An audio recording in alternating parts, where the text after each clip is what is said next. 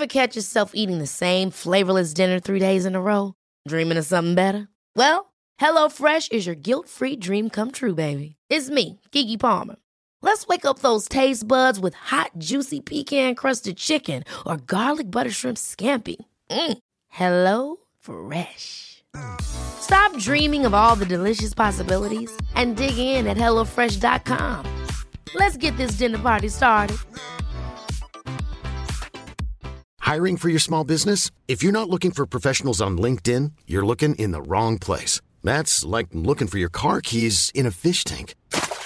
LinkedIn helps you hire professionals you can't find anywhere else, even those who aren't actively searching for a new job but might be open to the perfect role. In a given month, over 70% of LinkedIn users don't even visit other leading job sites. So start looking in the right place. With LinkedIn, you can hire professionals like a professional. Post your free job on linkedin.com slash people today. Planning for your next trip? Elevate your travel style with Quince. Quince has all the jet-setting essentials you'll want for your next getaway, like European linen, premium luggage options, buttery soft Italian leather bags, and so much more. And it's all priced at 50 to 80% less than similar brands. Plus, Quince only works with factories that use safe and ethical manufacturing practices. Pack your bags with high-quality essentials you'll be wearing for vacations to come with Quince. Go to quince.com slash trip for free shipping and 365-day returns.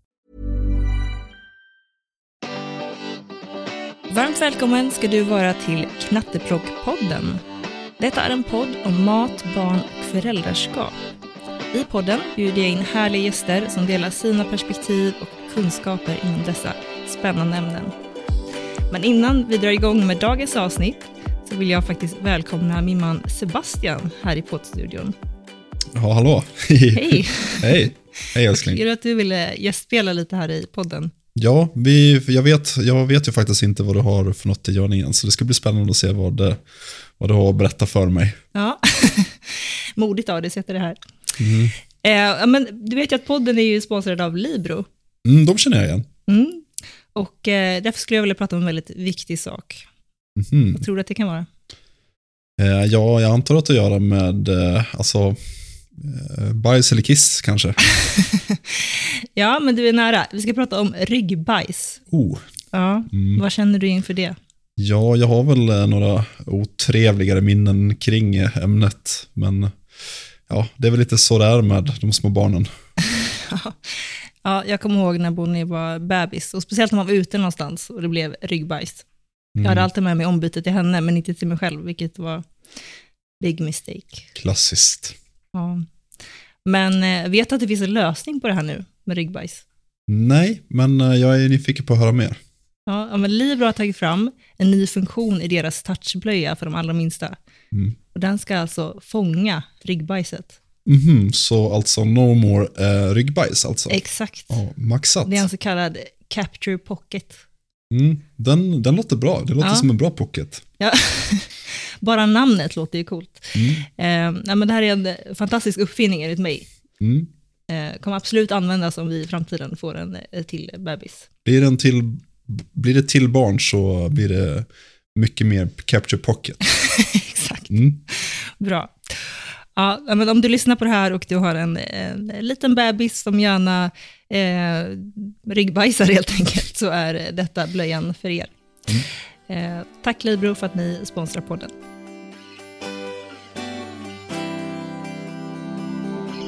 Jag minns också att jag såg att det fanns eh, barnmat för fyra månaders bebisar som innehöll spenat. Och jag tänkte, va? Men det där, det Ja. tror jag inte finns i Sverige. Nej. I detta avsnitt har jag bjudit in föräldracoachen och författaren Maria Båda. Hon har en examen i socialantropologi och har sedan 2009 skrivit om föräldraskap ur ett kulturellt och historiskt perspektiv. Maria har skrivit hela fyra böcker. Den senaste, Känn ditt barn, släppte hon i höstas tillsammans med Tyrkan Karaman. Det är en modern och varm föräldrabok som riktar sig till både blivande och nyblivna föräldrar.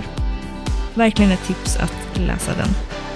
Jag och Maria hade ett väldigt intressant samtal om barn och mat.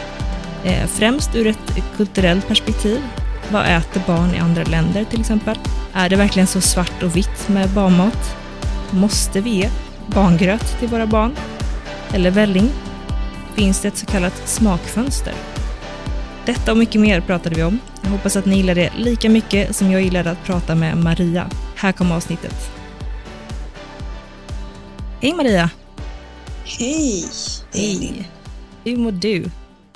Jag mår bra, tack. Ja, härligt. Ja. Mm. Vad kul att du vill eh, vara med i podden. Mm, jätteroligt att få vara med. Mat är ju ett stort intresse jag har så att det är väldigt, väldigt fint att få vara med. Ja, ja men jättekul. Det är många följare som faktiskt har eh, önskat att du ska vara en gäst. Så att du är efterlängtad. Åh, vad, kul. vad roligt och fint att höra. Ja. Ehm, men för de som inte känner till dig, vill du berätta lite mer om dig? Vem är du? Ja, jag heter som sagt Maria och jag har skrivit om föräldraskap i över 13 år nu.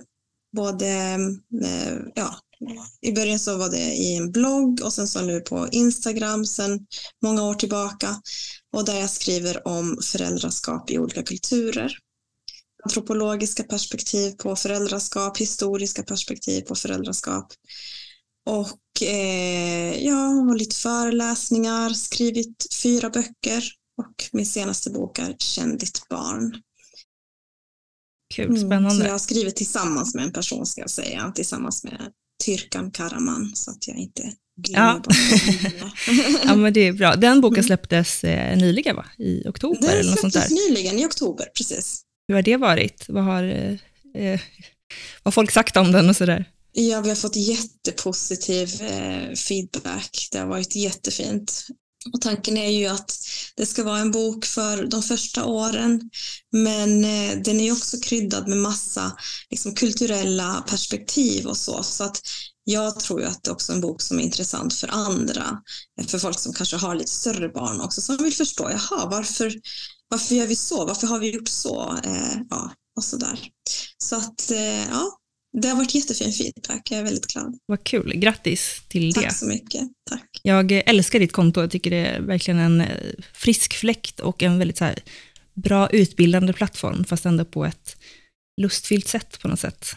mm, kring det här med andra mycket. kulturer och andra perspektiv. Det är så lätt att bli insnöad mm. i ens egna bubbla här i Sverige. Ja, men precis, ja, det, det tycker jag också är väldigt viktigt, liksom, att eh, se att saker och ting kan göras på så många olika sätt.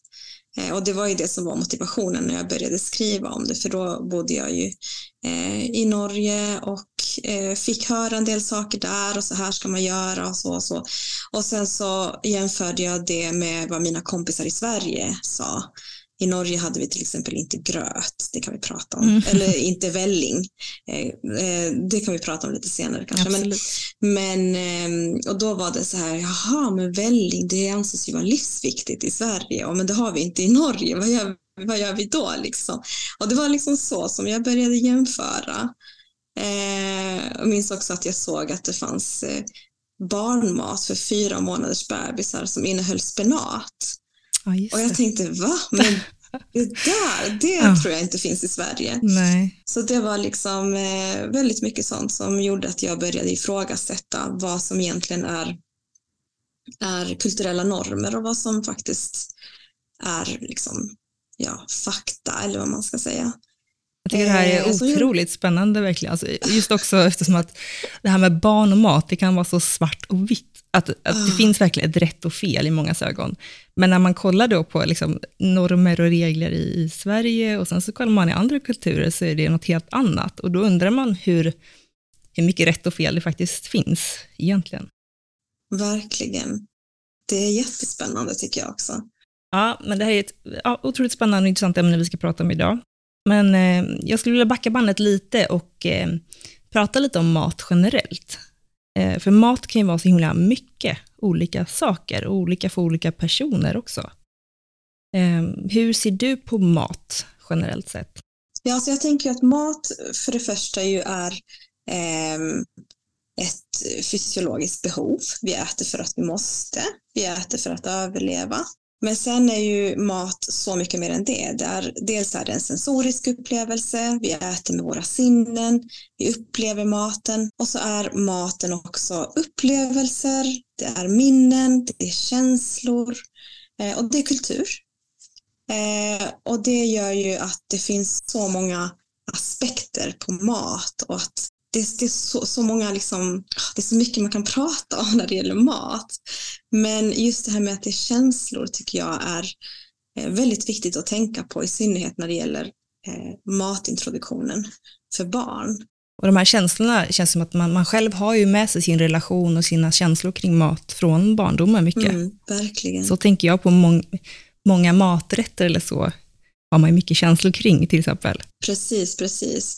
Och det är ju, det är ju verkligen så att den mat som man har positiva upplevelser till, den mat tycker man ju är god.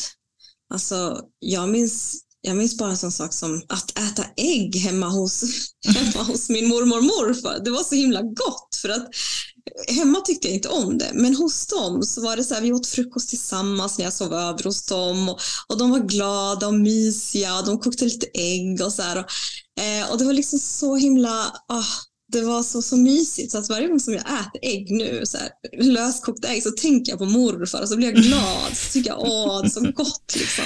Mm. Fast egentligen tycker jag inte att det är så fantastiskt gott.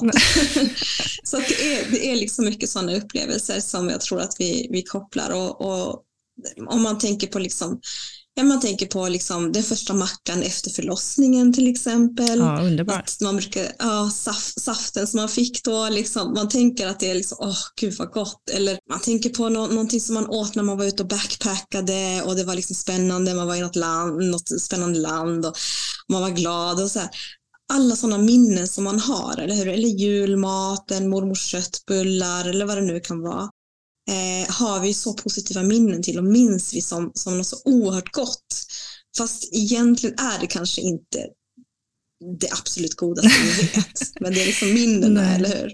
Men det är därför också jag tror att det kan vara så olika mellan olika kulturer. Att I Sverige så har vi så mycket känslor och, kring vissa maträtter, som kanske inte egentligen är så himla fantastiska, jämfört, så här, som andra kulturer kanske inte eh, ser som jättegoda, för att de har inte samma känslor kopplat till det, eller samma kultur. Och så är det med, med alla kulturer. Alltså jag kommer själv från Latinamerika och jag måste ärligt säga att jag tycker inte att latinamerikansk mat är den godaste i världen. Eh, jag tycker till exempel att thaimat eller indisk mat är så mycket godare. Men det är ändå något speciellt för mig att äta latinamerikansk mat, eller hur? Det är, ja, det, det är så mycket känslor kopplade till det. Ehm, så att ehm, det är, det är verkligen så och det förklarar ju verkligen varför mat, alltså varför barn i andra delar av världen äter sån mat som vi tänker att våra barn aldrig mm. någonsin skulle äta. Som ja, men mm. till exempel en glass gjord av säl, sälfett eller liksom valspäck. Eller, alltså, sånt finns ju och barn älskar det i de kulturerna där det finns. Ja, för de är uppvuxna med det och, och liksom har, har hela den, det bagaget med sig, med alla känslor och upplevelser och situationer de har fått det. Ja, precis, precis. Också för att de har känt de här smakerna redan när de låg i magen. Ja, just det, det är också en aspekt. Så det är ju så liksom att eh, barn börjar uppleva smaker redan när de ligger i magen och när de kommer ut så har de redan fötts in i en matkultur. Och, och det är väldigt viktigt att komma ihåg att det kan vara svårt att vara en person som till exempel absolut inte äter grönsaker, som kanske bara äter, eh, vad vet jag, men kyckling och chips liksom. Eh, och sen så får man ett barn och så tänker man, ah, jag, vill, jag vill att mitt, barn, att mitt barn ska äta grönsaker för det har jag aldrig gjort. Och då kan det vara ganska svårt dels för att man själv inte har positiva känslor till det eh, och dels för att barnet inte har upplevt de här kanske bittra smakerna som en del grönsaker har eh, från magen. Ja, för det, det är ju både smaker i, i fostervattnet väl och även sen när man börjar amma att vissa smaker går över till Precis, bröstmjölken. Exakt. Och jag tänkte på det när jag var gravid med Bonnie, eller min dotter, att jag åt så jäkla mycket morötter. Mm. jag tänkte om hon kommer komma ut som en morot, undrar om hon kommer gilla morötter. Men eh, än så länge har jag inte sett någon så överdriven eh, sådär tendens att hon älskar morötter, men eh, det var något jag tänkte på då, hur mycket det faktiskt påverkar. Men eh, det, är, det är väldigt intressant faktiskt. Verkligen. Hon kom, ut, hon kom inte ut orange då. Nej, hon gjorde faktiskt inte det. Men jag undrar om det påverkar. Jag vet, om man ja, jag vet väldigt, inte. Väldigt ja, men jag, tänkte, jag såg ingenting på mig själv i alla fall. Jag vet att man själv Nej, också okay. kan få lite förändringar i hyns ja, det var ingenting jag märkte i alla fall. Eh, ja, men jag skulle vilja prata lite om det här med andra kulturer och att det faktiskt finns väldigt stora skillnader från hur det ser ut i Sverige och bara i grannlandet Norge och också såklart utanför Europa och så vidare. Vad, vad är de största skillnaderna har du märkt när du har gjort din research och dina efterforskningar? Mm. Ja, det är ju det att välling är otroligt viktigt i Sverige, men att det inte finns i andra kulturer. Inte ens i våra grannländer, kanske lite i Finland. Men eh, det finns inte i Norge och det finns inte i Danmark. Och det är en väldigt stor skillnad, för att här så tänker vi att det är så livsviktigt. Men eh, det är ganska unikt för Sverige. Och även den köpta barngröten också då? Eller finns det... Ja, barngröt finns i Norge vet jag, det finns säkert i Danmark också. Det, gröt är också en väldigt stor del av liksom norsk eh, och, och, eller skandinavisk kultur. Liksom. Så att eh, det finns faktiskt. Eh, och där finns också den, den tron hos många föräldrar att men vi, alltså barnet måste ha köpt barngröt därför att den är, är berikad med järn, eller hur? Men det finns också många andra sätt att ge järn på. Och i Norge så, så brukar man i alla fall få rekommendationen att barn ska äta grovt bröd med leverpastej. Eh, I princip från det att de börjar äta. Och jag vet att när min son var åtta månader gammal, vi bodde i Norge då, eh, så sa de ju på, på BVC där att han måste äta var en eller till och med två mackor med grovt bröd med leverpastej. Och jag tänkte, han har ju bara precis börjat, han ammade ju fortfarande jättemycket, han har bara precis börjat med små, små, små matportioner. Alltså vid åtta månaders ålder åt han Nej, knappt. herregud, två mackor blir lite, det kan vara svårt i den åldern. precis, och jag tänkte, gud det går ju inte. Ehm, så att ja, det är väldigt stor skillnad. Men eh, jag vet att jag har läst finska rekommendationer och norska och danska rekommendationer och där nämns ju inte inte eh, välling utan där nämns till exempel just leverpastej, eh, torkade aprikoser, eh, grovt bröd, sånt.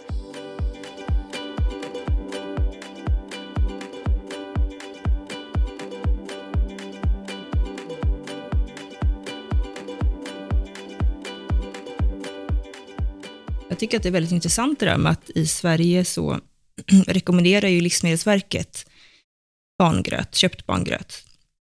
Och i BVC också då såklart. Eh, och det är nästan ett litet måste ibland från BVC att man, att man ger ba, köpt barngröt.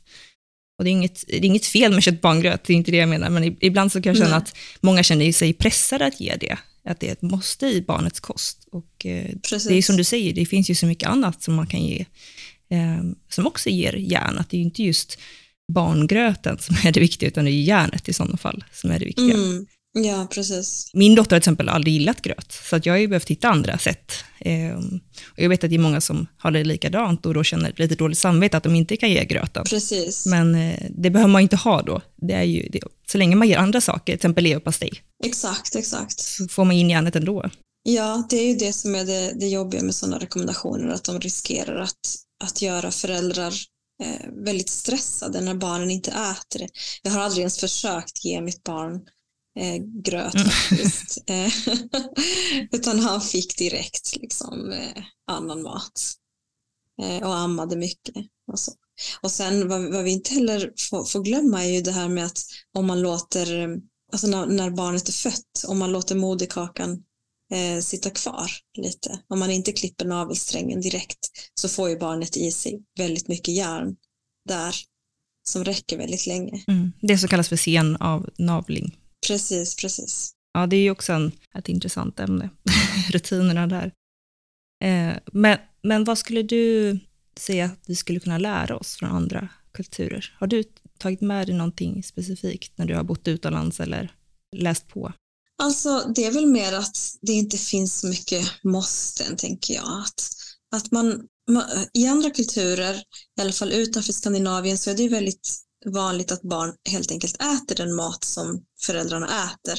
Här så har vi kanske lite mer en sån idé om att barnmat är en sak och vuxenmat är någonting annat och att barn kanske inte riktigt klarar av att äta ja, men väldigt speciella smaker eller så. Men i andra kulturer så får så får ju barn precis den mat som de vuxna får, bara i en lite mildare variant. Att man kanske har, har liksom spett ut den lite grann eller blandat ut den med lite ris eller någonting för att den ska vara lite mildare. Men att barn absolut klarar av att äta speciella smaker, starka smaker. Det behöver inte vara stark chili, men att, att det kan vara välkryddat. Liksom. Det klarar de absolut av. Ja, det tycker jag är en jätteviktig poäng. För det är, jag får ofta frågan om vilka kryddor kan jag använda till min bebis och så vidare. Jag brukar alltid säga att du kan använda vad som helst, förutom du vill inte hälla i hela saltkaret i, i maten, om du saltar en krydda på riktigt. Men eh, annars så kan man ju ge vad som helst egentligen. Absolut, absolut. Det kan man göra. Det gör ju livet lite enklare också, att slippa stå och laga två maträtter alltid. Precis. Och jag menar att barnen direkt får lära sig att äta familjens mat. Det, det, det är så viktigt. Absolut. För att det ska känna, för också för att det ska liksom känna, känna sin tillhörighet i familjen och känna liksom att, att det är en del av familjekulturen. Ja, precis. Du sa nog förut tror jag att man föds in i en matkultur hemma. Det är viktigt det där med vad man ger från början och liksom, om man vill att barnet ska uppskatta den typen av mat man brukar servera hemma, så är det ju bra att börja med det ganska tidigt, så att inte barnet vänjer sig med något annat än vad man vill äta sen, så att säga. Precis, precis. Men eh, har du några exempel på, du nämnde spenat i barnmat för fyra månaders, är det något annat som, du, som har förvånat dig när du har eh, varit utomlands eller liknande? Ja, men att i Frankrike så kan barn få ganska starka ostar till exempel.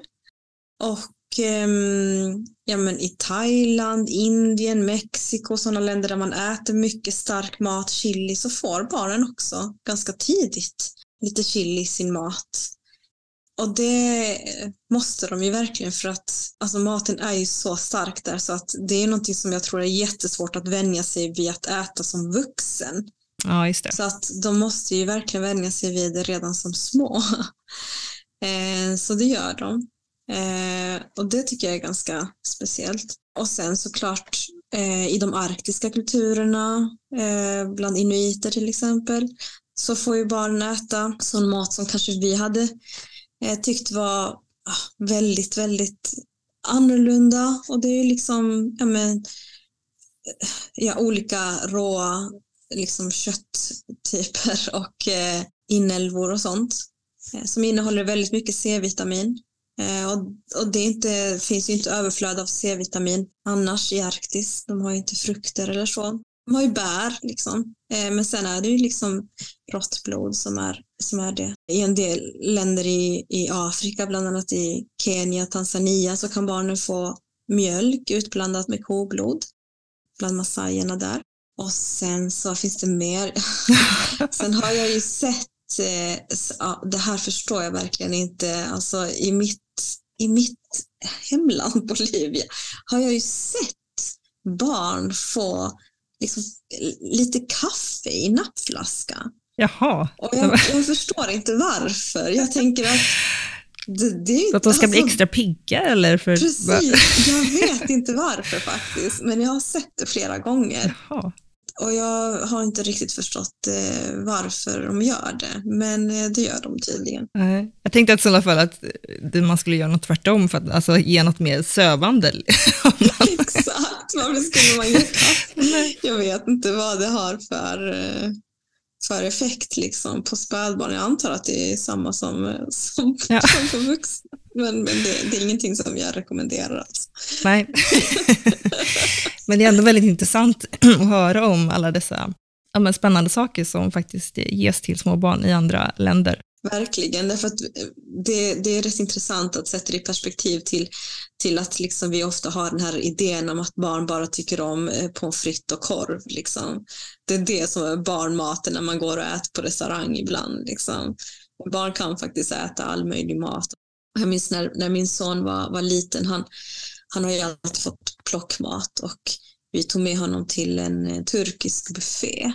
Eh, och personalen där alltså, kom och frågade sig, ja, vill han ha liksom, pommes frites? Och vi bara nej, han vill ha mm. liksom, buffén. Och han var ju så glad och liksom gick och plockade av all, all mat där. Och, Och vi ska inte ta för givet att barn liksom bara vill ha Nej. korv och pommes frites. Nej, precis. Ja, men det tror jag kanske är ett, ett vanligt misstag. Eller så. Det är lätt att göra den, an, den antagelsen, tror jag. Att, speciellt om man har syskon som kanske äter på ett visst sätt, så kanske man tror att det, det lilla syskonet också kommer uppskatta exakt samma saker. Mm, precis. Mm.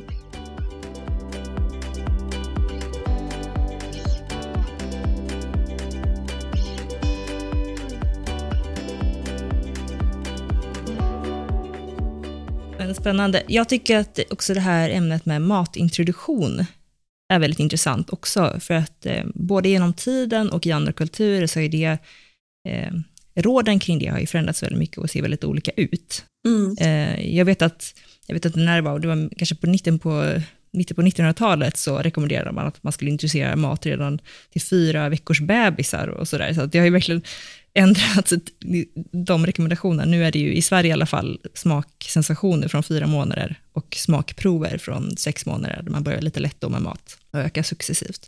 Precis. Vad ser du för olikheter där i andra kulturer jämfört med Sverige när det gäller matintroduktion?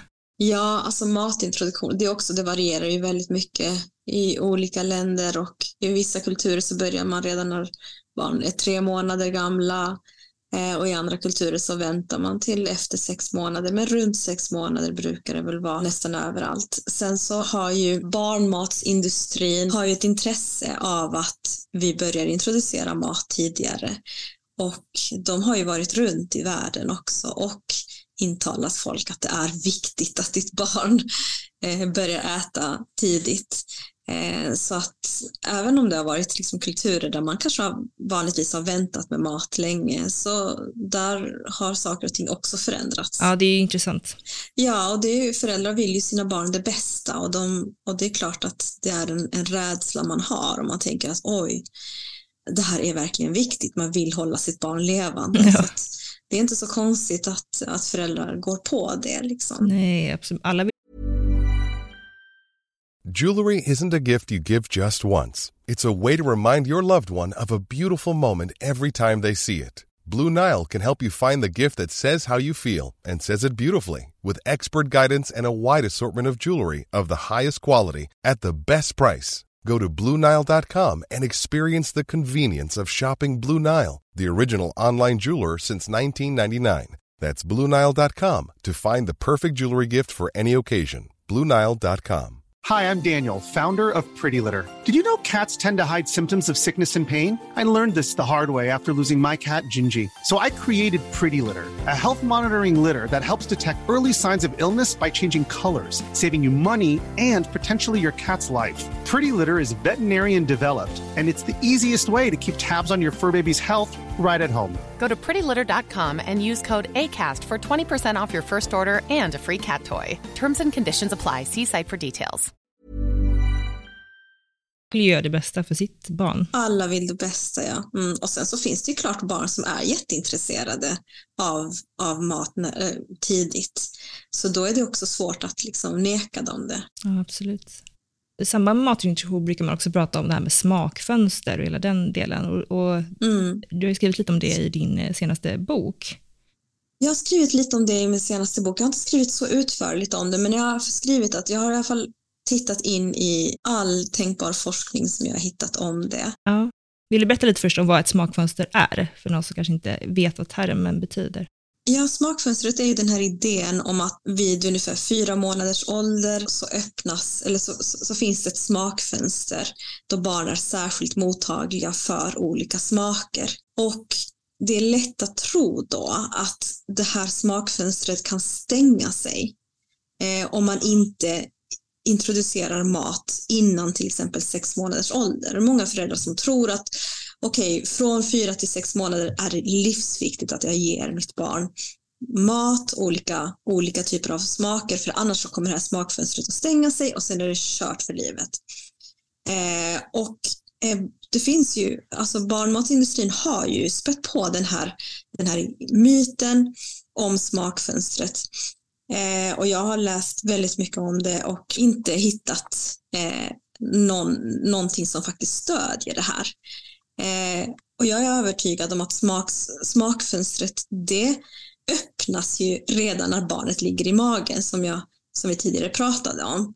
Det är då barnet börjar uppleva smaker och det här fortsätter hela livet. Smak, smak, alltså smakfönstret är ju öppet hela livet egentligen. Det är inte på något sätt kört för att du inte har introducerat mat eh, liksom, inom en viss tid. Man kan lära sig att eh, uppskatta Utan, en smak även som vuxen till och med. Precis, ja. exakt. Det gör vi ju hela tiden. Eh, jag hatade grönsaker som barn och for, fortsätter liksom nu som vuxen att lära mig att tycka om grönsaker på olika sätt. Så det är inte kört på något sätt. Jag tycker att vi ska helt glömma bort idén om något smakfönster. ja, men det ger, ger, lite hopp i alla fall, att det inte det är inte kört om, om barnet inte älskar broccoli när den är ett, ett år, utan det kan hända grejer sen. Precis, man kan fortsätta. Man ska fortsätta servera, man ska, man ska lägga fram det på tallriken 10, 20, 30 gånger. Aldrig tvinga barnet att äta. Jag skulle inte heller tvinga barnet att smaka ens en gång, utan, utan bara lägga det på tallriken så får barnet se det och så, dessutom såklart själv äta det. Jag håller med dig om det här med att man eh, ska fortsätta erbjuda. Jag tror att också att det är det enda sättet att få barn att faktiskt uppskatta någonting till slut. Att, in, att inte pressa eh, varken på att smaka eller röra eller någonting. Och heller kanske inte prata om det som en stor grej, utan det får ligga där på tallriken eh, måltid efter måltid, eller inte, kanske inte varje måltid, men att man ändå så här, om det är broccoli till exempel, att den får ligga där ibland på tallriken, så barnet kan se den. Jag håller helt med. Jag tror verkligen inte på det här med att, med att säga att ja, men du, du måste i alla fall smaka. Alltså det, det, speciellt för känsliga barn kan det vara oerhört jobbigt att smaka när de inte känner sig redo för det. Eh, och, och det där har jag alltid kört med min, med min son, att jag bara låtit maten ligga där, aldrig pressat honom att äta. och rätt vad det är, plötsligt en dag, så vill han smaka det.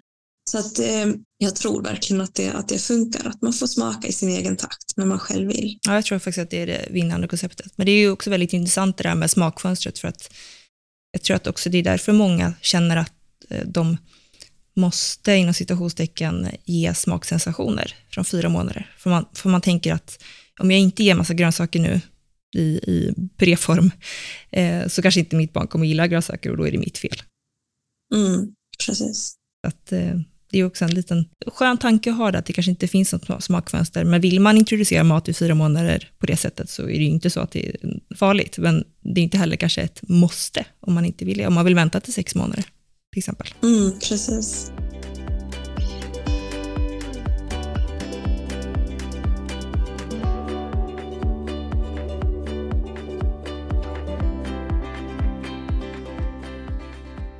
Men det här med kultur, det finns ju både kultur i ett land och det finns ju kultur i andra länder och det finns ju kultur även i hemmet, tänker jag. Alltså den kulturen man skapar där.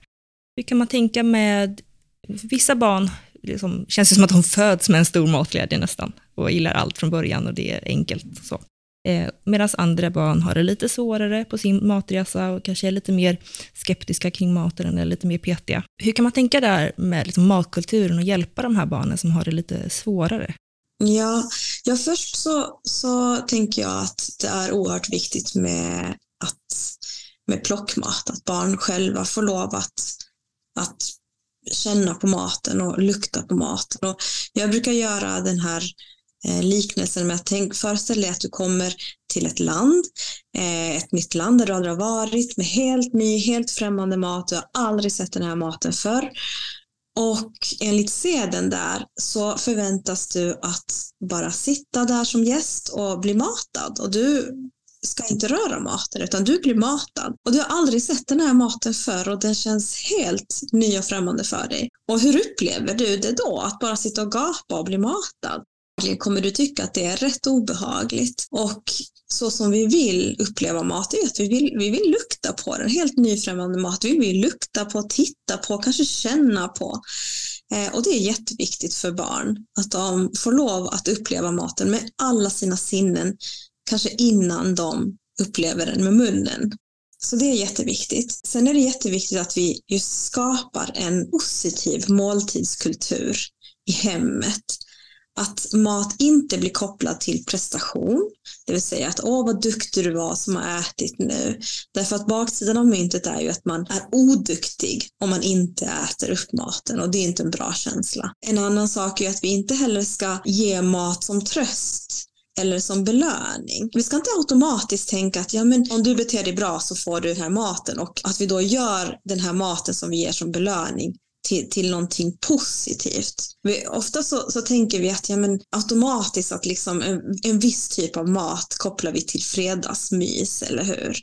Och vanligtvis är det sån mat som vi kanske anser vara lite onyttig eller som vi, som vi kanske vanligtvis inte liksom vill äta varje dag. Man behöver inte riktigt tänka så. Alltså fredagsmysmat kan vara lite vad som helst. Det är själva stämningen där som är det viktiga. Till exempel så minns jag en sån sak som att jag, jag älskar verkligen morotsjuice. Det, alltså jag skulle kunna dricka litervis om dagen. Och jag minns att när jag var liten så brukade min mamma liksom gå på så här kvartssamtal, som det hette då. Om jag då hade liksom presterat bra i skolan så brukade hon köpa morotsjuice anledning. Och jag bara, åh, drack det här. Och det var liksom som, så, det var som så, så otroligt fin belöning kände jag då. Liksom. Eh, men om jag då, om hon hade kommit hem med ett stort paket choklad mm. så hade jag antagligen kopplat det till, liksom, till belöning och så hade jag liksom, varje gång jag vill må bra så hade jag ätit massa choklad. Eller?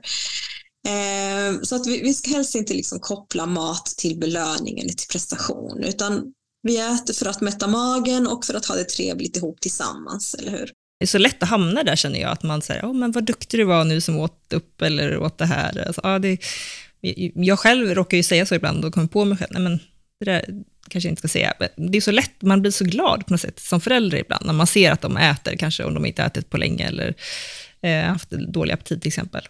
Och så äter de helt plötsligt, och då blir man så, åh, och så blir man glad och så vill man säga någonting. Så det är lätt att hamna där, man får liksom påminna sig själv. Precis, jo absolut. Eh, och det är inte heller liksom Eh, någon fara om man säger det då och då, men att man, att man helst ska undvika att alltid säga oh, vad duktig du var som åt nu, vad duktig du var, liksom. utan, utan helt enkelt bara, ja men var det gott och vad kul, vad, vad kul att du gillar maten som jag lagade, kan man ju, kan man ju säga om man vill. Men dels det, och sen så, sen så att det, att det liksom är en positiv stund, även om barnet inte äter upp maten. Eh, och det är en annan sån sak, att det händer i familjer liksom där barn aldrig vill äta maten, att det blir dålig stämning. Och sen så blir det som en ond, ond eh, cykel, liksom, där, där barnet vet att okej, okay, nu kommer det här bli jättejobbigt, jag vill inte ens gå och sätta mig vid matbordet, jag kommer, jag kommer liksom, mamma kommer vara på dåligt humör eh, eller jag kommer få en utskällning för att jag inte äter maten eller kommer vara sura miner. Jag kommer sitta där och tugga på köttet och uh, aldrig lyckas svälja det och så bara får de superångest.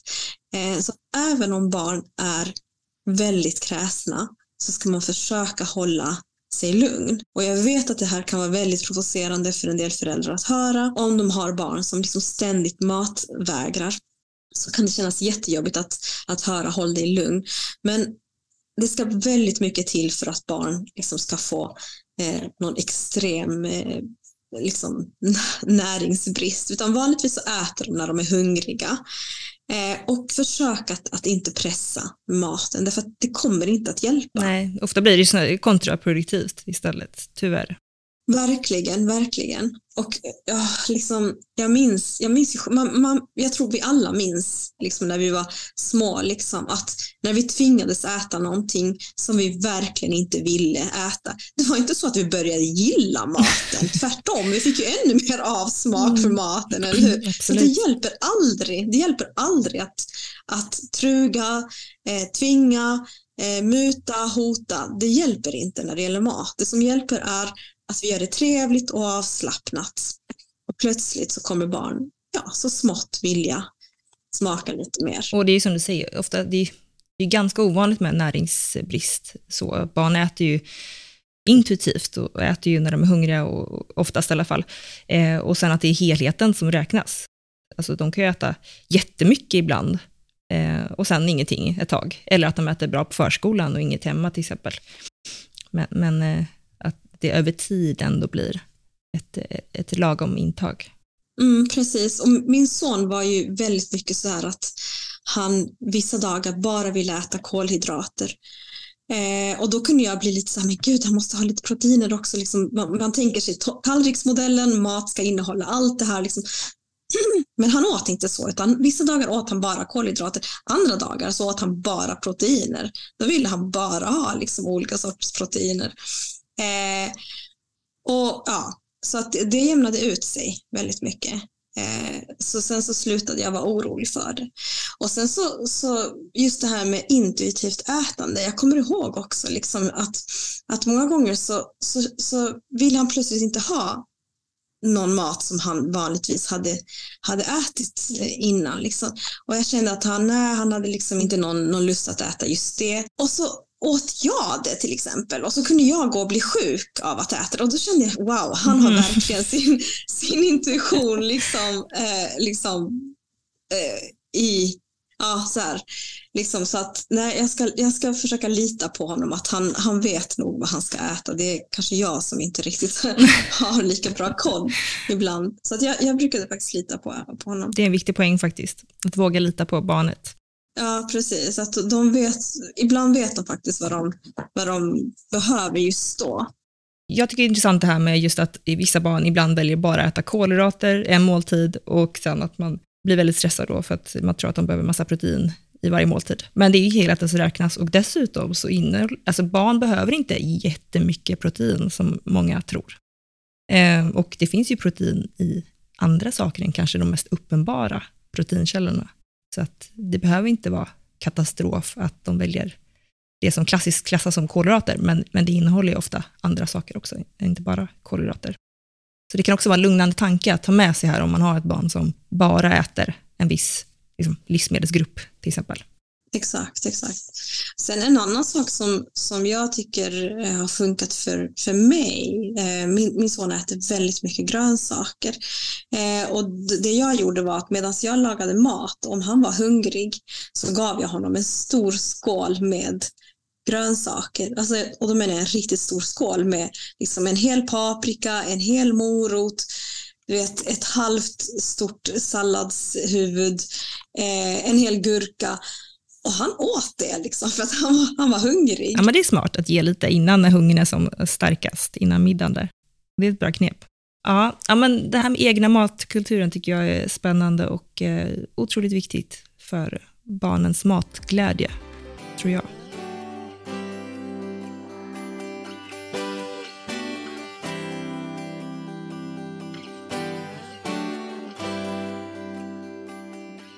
Jag frågade ju mina följare om lite frågor till dig. Mm. Och jag har liksom vävt in ganska mycket nu i samtalet av vad folk har frågat. Eh, men jag ska ändå se så jag inte har missat någon här.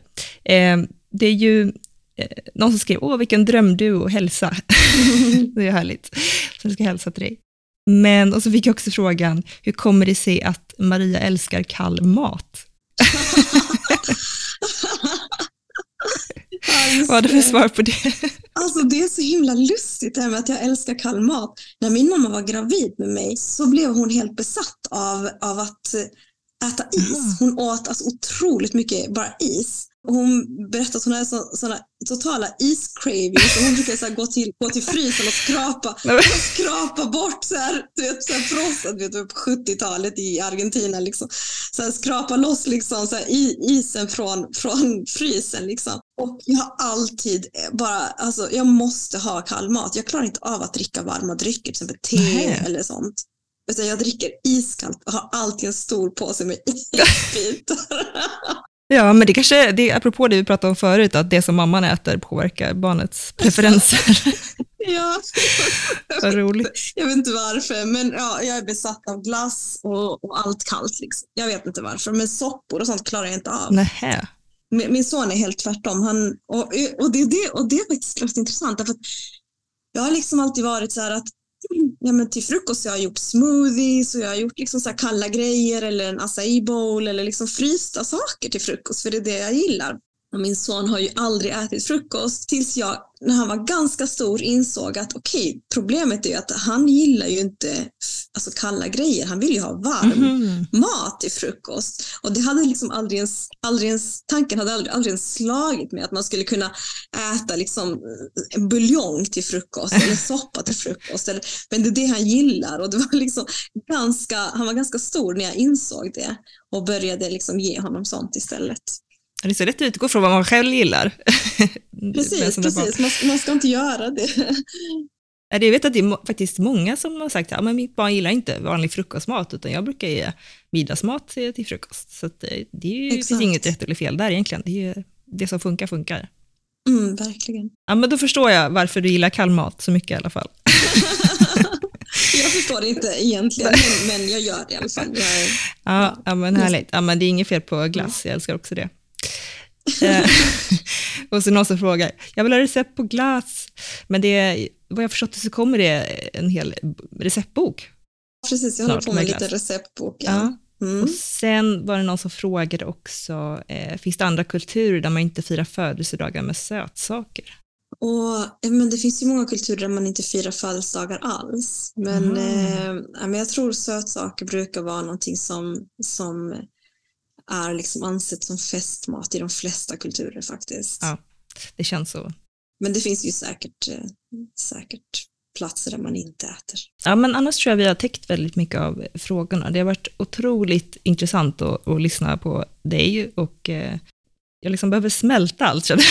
väldigt, väldigt intressanta ämnen och eh, de här grejerna du nämnde i början om, om förvånande mat som finns i andra länder till barn, vad man ger mm. barn, det, det är ju väldigt spännande det här med mm, ja, mjölk och blod. Vi inte så mycket om det egentligen, men, men, det är mycket olika slags, slags grötor och eh, eh, moser och så. Beroende på vad som finns i landet. I mitt hemland så får, får de till exempel quinoa, quinoa-gröt.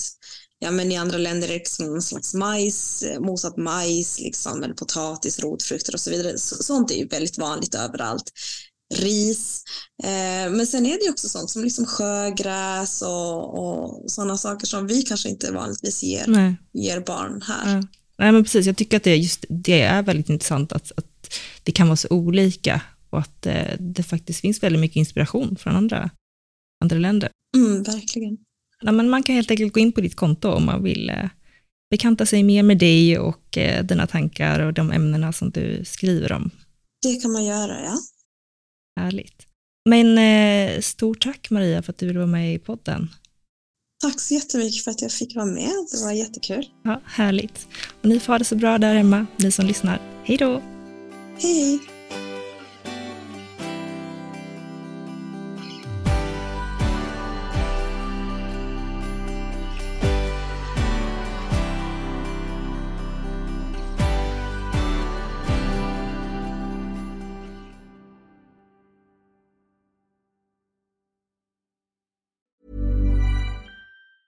Planning for your next trip? Elevate your travel style with Quince. Quince has all the jet setting essentials you'll want for your next getaway, like European linen, premium luggage options, buttery soft Italian leather bags, and so much more. And it's all priced at 50 to 80% less than similar brands. Plus, Quince only works with factories that use safe and ethical manufacturing practices. Pack your bags with high-quality essentials you'll be wearing for vacations to come with Quince. Go to quince.com slash trip for free shipping and 365-day returns. Hold up. What was that? Boring. No flavor. That was as bad as those leftovers you ate all week. Kiki Palmer here, and it's time to say hello to something fresh and guilt-free. Hello Fresh. Jazz up dinner with pecan-crusted chicken or garlic butter shrimp scampi. Now that's music to my mouth. Hello Fresh. Let's get this dinner party started. Discover all the delicious possibilities at HelloFresh.com. Imagine the softest sheets you've ever felt. Now imagine them getting even softer over time. That's what you'll feel with Bowl and Branch's organic cotton sheets. In a recent customer survey, 96% replied that Bowl and Branch sheets get softer with every wash. Start getting your best night's sleep in these sheets that get softer and softer for years to come. Try their sheets with a 30-night guarantee. Plus, get 15% off your first order at bowlandbranch.com. Code BUTTERY. Exclusions apply. See site for details.